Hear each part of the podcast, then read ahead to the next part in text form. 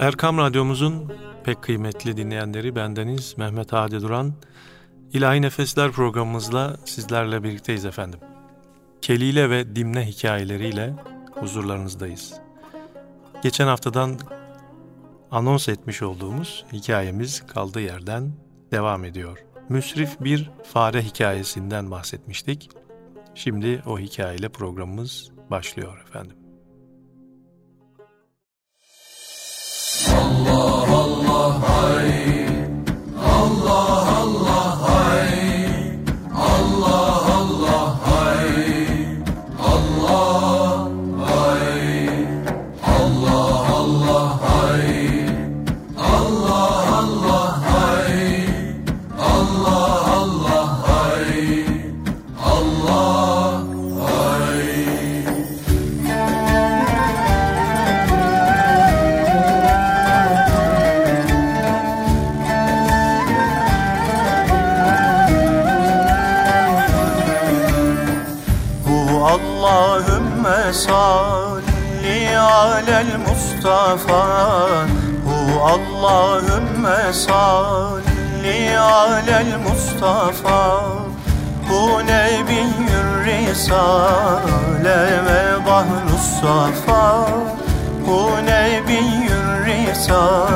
risale ve bahrus safa Hu çerrağı mescid Dü mihrabı minber. Bu çerrağı mescidü mihrabı minber. Bu Ebu Bekir Ömer Ya Osman ya Hayder. Bu Ebu Bekir Ömer Ya Osman ya Hayder Bu Allahümme salli alel Mustafa. Bu Nebi Risale ve Bahrus Safa. Bu çelağı mescidü mihrabı minber. Bu Ebu Bekir Ömer ya Osman ya Hayder. Bu Ebu Bekir Ömer ya Osman ya Hayder Allahümme salli ala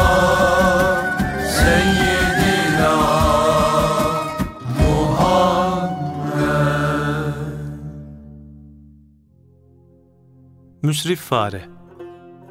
Çiftçinin biri belki kıtlık ve pahalılık olur da çoluğumun çocuğumun beslenmekte meşakkatini çekerim diye bir anbar yapmış ve epeyce zahire depolamış. Bir fare kısmetini ararken bir delik açmış, deliği takiben de zahire ambarına ulaşmış. Anbardan deliğe buğdayın bir teviye aktığını görmüş. Gökten yağıyor, arkası hiç kesilmez mülahazasıyla bir miras yedi gibi davranmaya başlamış. Üstelik fare cinsinden bir sürü dal kavuklar peyda etmiş, bunların ahmak bir miras yedi telakki ettikleri, kendisini aldatmak hususunda gösterdikleri riyakerane yakınlık ve sözlerine kanmış olduğundan cümlesinin her Allah'ın günü tıka basa yiyip içmelerine ses çıkarmıyormuş. Bir müddet sonra ortalığı dehşetli bir kıtlık, pahalılık istila etmiş. Halkın ambarlarında zahireden eser kalmadığı gibi fare cinsi dahi bu kıtlığın tesirini yavaş yavaş görmeye başlamış. Bizim ambar komşusu olan fare ise hala üst taraftan zahire yağdığını görerek cihanın düşmüş olduğu bu kıtlığa kıs kıs gülüyor, zevkü safasından bir an bile geri kalmıyormuş. Etrafını saran sözde dostlarına izzet-ü ikramda devam ediyormuş. Nihayet çiftçi ihtiyat ambarını açmaya mecbur kalmış. Fakat zahiresinin bir hayli eksilmiş olduğunu görünce şu domuz fareler zahireme dadanmışlar diyerek alel acele mevcut zahireyi daha emniyetli bir yere taşımış. Çiftçi taşıma işiyle uğraşıp dururken miras yedi fare derin bir uykudaymış. Mahiyetindeki çanak yalayıcıları ambarda zahirenin tükendiğini görür görmez efendilerini uyku gafletinden bil istifade terk ederek her biri bir tarafa savuşu vermiş. Uyandığında arkadaşlarını yanında göremeyen miras yedi fare, acaba nerelere gitmişler diye bir de aramaya kalkışmasın mı? Her ne kadar hiçbirini bulup izlerine rastlamadıysa da, cihanı hükmüne alan kıtlık belası yüzünden kendinin de nasılsa öleceğini sezerek, böyle darlık bir zamanda başındaki kalabalığın dağılmış bulunmasına memnun bile kalmış, mevcut zahiresini bundan sonra güzelce muhafaza etmek kaygısıyla alel acele deliğine dönmüş. Bir de ne görsün, eskisi gibi deliğe buğday yağmıyormuş. Delikten hışımla çıkarak doğru ambara gidip dalması bir olmuş. Heyhat, ambarda bir buğday tanesi bile yokmuş. Acı hakikate vakıf olunca farenin aklı başından gide yazmış. Bu ana kadar alemi kendisi doyurarak yaşamış olduğu halde bundan sonra kendisi el alemden dilenerek yaşayamayacağını, dilenmiş olsa dahi şu kıtlık zamanında kendisine kimsenin bir lokma ekmek vermeyeceğini düşündükçe üstüne çöken felaketi gözünde öyle büyütmüş ki sonunda kafasını taşlara vura vura helak olup gitmiş. Netice itibarıyla akıllı tüccarın kazanç, kar, tasarruf, iktisat mevzularında oğullarına verdiği nasihat müessir olmuş. Her ikisi de israfı terk etmişler. Üstelik küçük oğul ticaret için gurbete çıkmayı bile arzulamış. Babası oğlunun bu himmetinden memnun kalarak elinde bulundurduğu bir çift öküzü bineceği arabaya tahsis etmiş. Öküzlerden birinin adı Şetrebe, diğerinin adı ise Metrebe imiş. Kuvvet ve kudrette üstlerine yokmuş. Asıl tüccar hikayesine başlamış olan zatın Hakim Beydeba olduğunu, hikayeler içinden hikayeler çıkması dolayısıyla hatırdan çıkarmayalım lütfen. Hikayenin geri kalan kısmını ise anlatmaya devam etmiş. Tacirzade Şetrebe ile Metrebe'yi arabasına koymuş ve böylece yola çıkılmış. Gece gündüz demeden günlerce yol almışlar. Bu minval üzere yolculuk devam ederken Şetrebe hastalanmış. Kısa zamanda öyle zayıf düşmüş ki ayağını kaldıracak mecali kendisinde bulamıyormuş. Öküzü bu halde yürütmek kabil olmadığından yanına bir adam katarak iyileşip kuvvetlendiği zaman alıp getirmesini sıkı sıkı tenbih etmiş. Onun yerine başka bir hayvan koşarak yoluna devam etmiş. Birkaç gün daha yol aldıktan sonra Metrebe de aynı şekilde hastalanmış, zayıf düşmüş, o da yarı yolda kalıvermiş. Şetrebe'nin yanına bırakılan adam birkaç gün beklediği halde hayvanın düzelmediğini görerek gider efendiye öküz helak oldu derim düşüncesiyle hayvanı kaderiyle baş başa bırakarak yola çıkmış. Şetrebe bir zaman sonra afiyet ve sihatini yeniden kazanmış, yemyeşil çayırlarda serazat başıboş yayılmaya başlamış. Artık gününü gün ediyor, zümrüt çayırlarda yan gelip yatıyor, keyfine bakıyormuş. Bu müddet zarfında öyle semiz bir hal almış ki görenler adeta dehşete düşüyorlarmış. Bir ara zümrüt çemenli bir ormanda güzel güzel karnını doyurduktan sonra keyiflenerek dehşetengiz sesiyle böğürmeye başlamış. Öyle bir sada çıkarıyormuş ki ormanın içi zangır zangır sallanıyormuş. Meğer ormanda pençesi gayet kuvvetli bir arslan, sair yırtıcı hayvanları kendisine rağm ederek hepsi üzerine hükümran değil miymiş? Arslan hayatı boyunca hiç öküz görmemiş, sesini işitmemiş olduğundan şetrebenin böğürtüsünü duyduğu zaman kendisinden herhalde üstün bir hayvanın sadası olduğuna şüphesi kalmayıp elde olmayarak o da titremeye başlamış. Fakat korkusunu maiyeti halkına belli etmek istememiş. Zira onların nazarında bütün hayvanların en güçlüsüymüş. Bunun için korkusunu izhar etmeyi şanına layık bulmamış. Arslan'ın karargahı civarında iki çakal varmış. Gerçi sultana pek sokulmuyorlarmış ama herhangi bir hadise anında hadiseyi görebilecek hakim bir mevkide de bulunurlarmış. Çakal denilen hayvanın ne kadar zeki olduğu malumdur. Kelile ve Dimne ise çakal nev'inin en zekilerinden ve anlayışlılarındanmış. Dimne, Arslan'ın ahvali pür melaline bakarak duyduğu öküz sadasından ürktüğünü derakab anlamış. Keyfiyetten arkadaşı Kelile'yi haberdar etmiş. Kelile ise bu dikkatinden dolayı Dimne'yi azarlamaya başlayarak demiş ki, kendi haddini bilip de haddinden dışarı çıkmayanlara Cenab-ı Hak rahmet eder. Senin ve benim ne haddimizedir ki padişahın halini inceleyelim.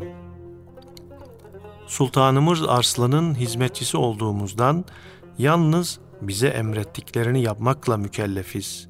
Yoksa sultanımızın esrarını bilip öğrenmek üstümüze vazife değildir. Kendi vazifesi dışındaki işlere burunlarını sokanlar, üstüne vazife olmayan işe burnunu sokarak sonunda acı bir belaya giriftar olmuş maymuna benzerler.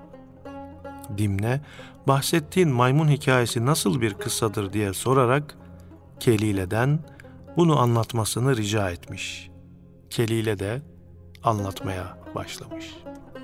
Efendim bir eser arası verelim, sonra da bu hikayeyi dinleyelim.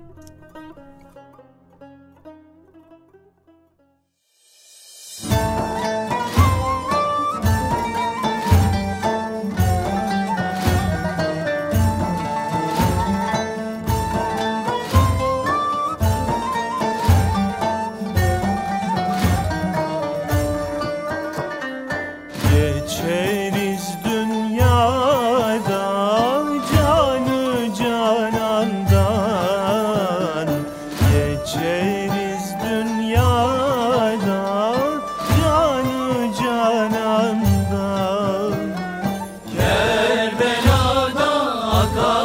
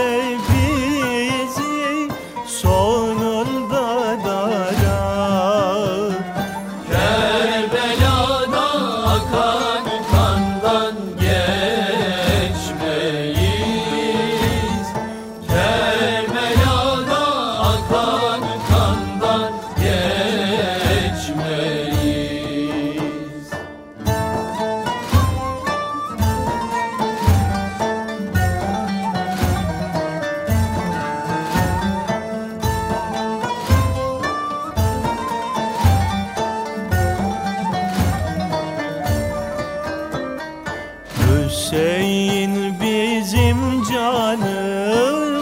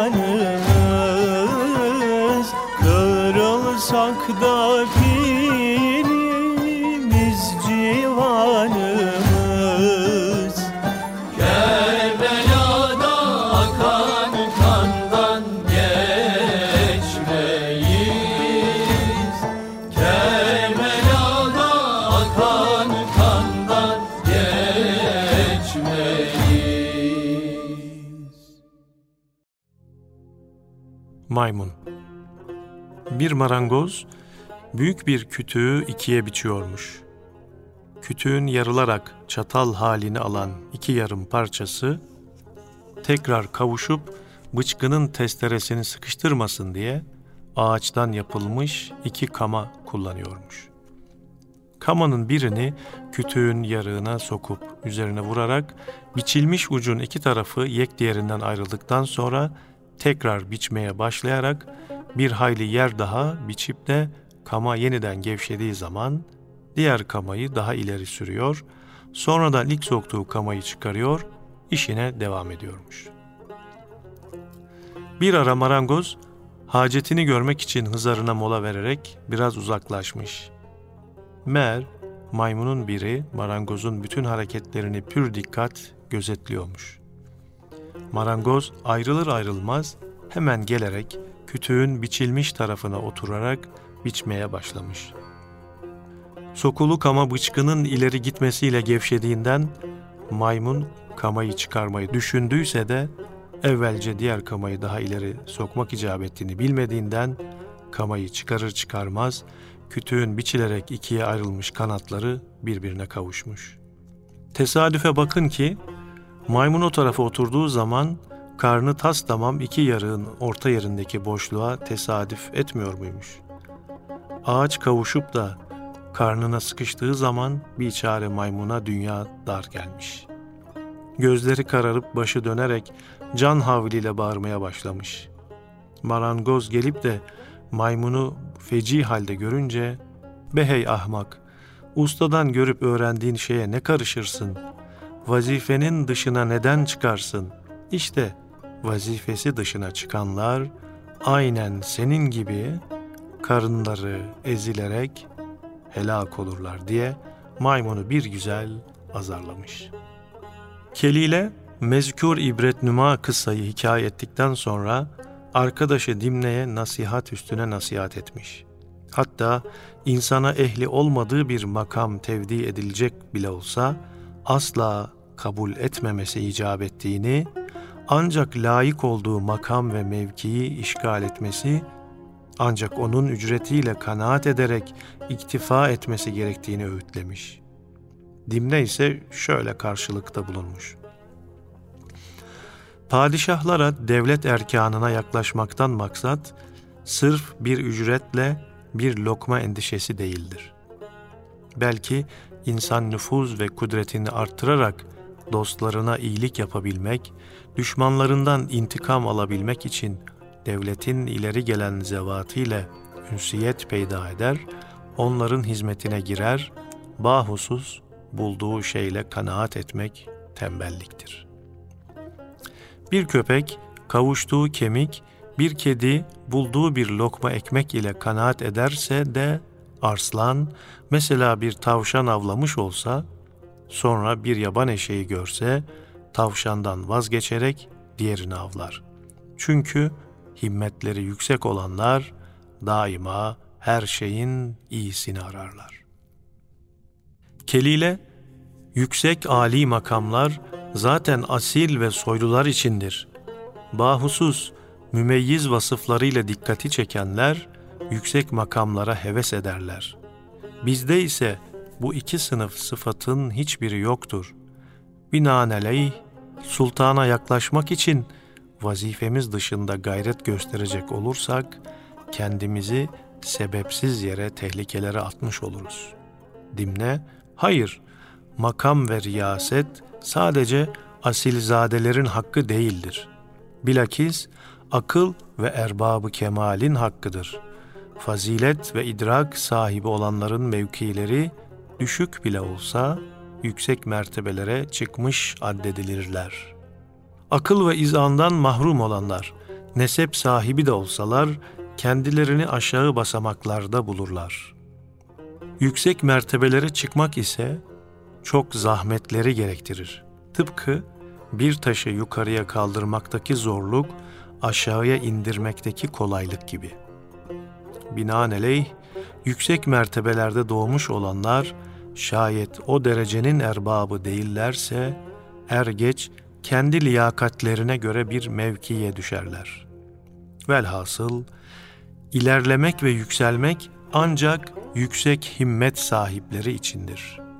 Bahusuz, zamanında iki arkadaştan biri yüksek himmet sahibi olduğundan sultanlık mertebesine kadar yükselmiş, diğeri ise tevekkül erbabından olması hasebiyle sefaletten kendisini bir türlü kurtaramamıştı. Bilmem bu hikayeyi biliyor musun? İki arkadaş hikayesi. Kelile'nin malumu olmadığından Dimne anlatmış. Efendim bu güzel hikayeleri peşi peşine anlatıyoruz. Tabi bize ayrılan sürede burada yine sona erdi.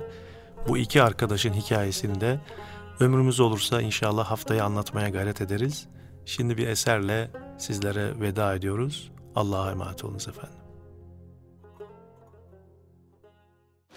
Aşıkım